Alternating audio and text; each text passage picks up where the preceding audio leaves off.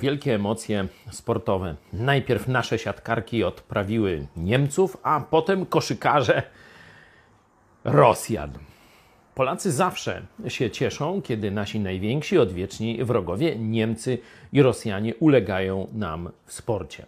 Apostoł Paweł był też wiernym sportowym kibicem. Bardzo często analogie ze sportu przekazywał, przenosił na życie chrześcijańskie. I tak w jednym z tekstów mówi: Tak macie biec, tak macie walczyć, żeby nie w próżnię uderzać, żeby pamiętać, że tylko jeden wygrywa na mecie.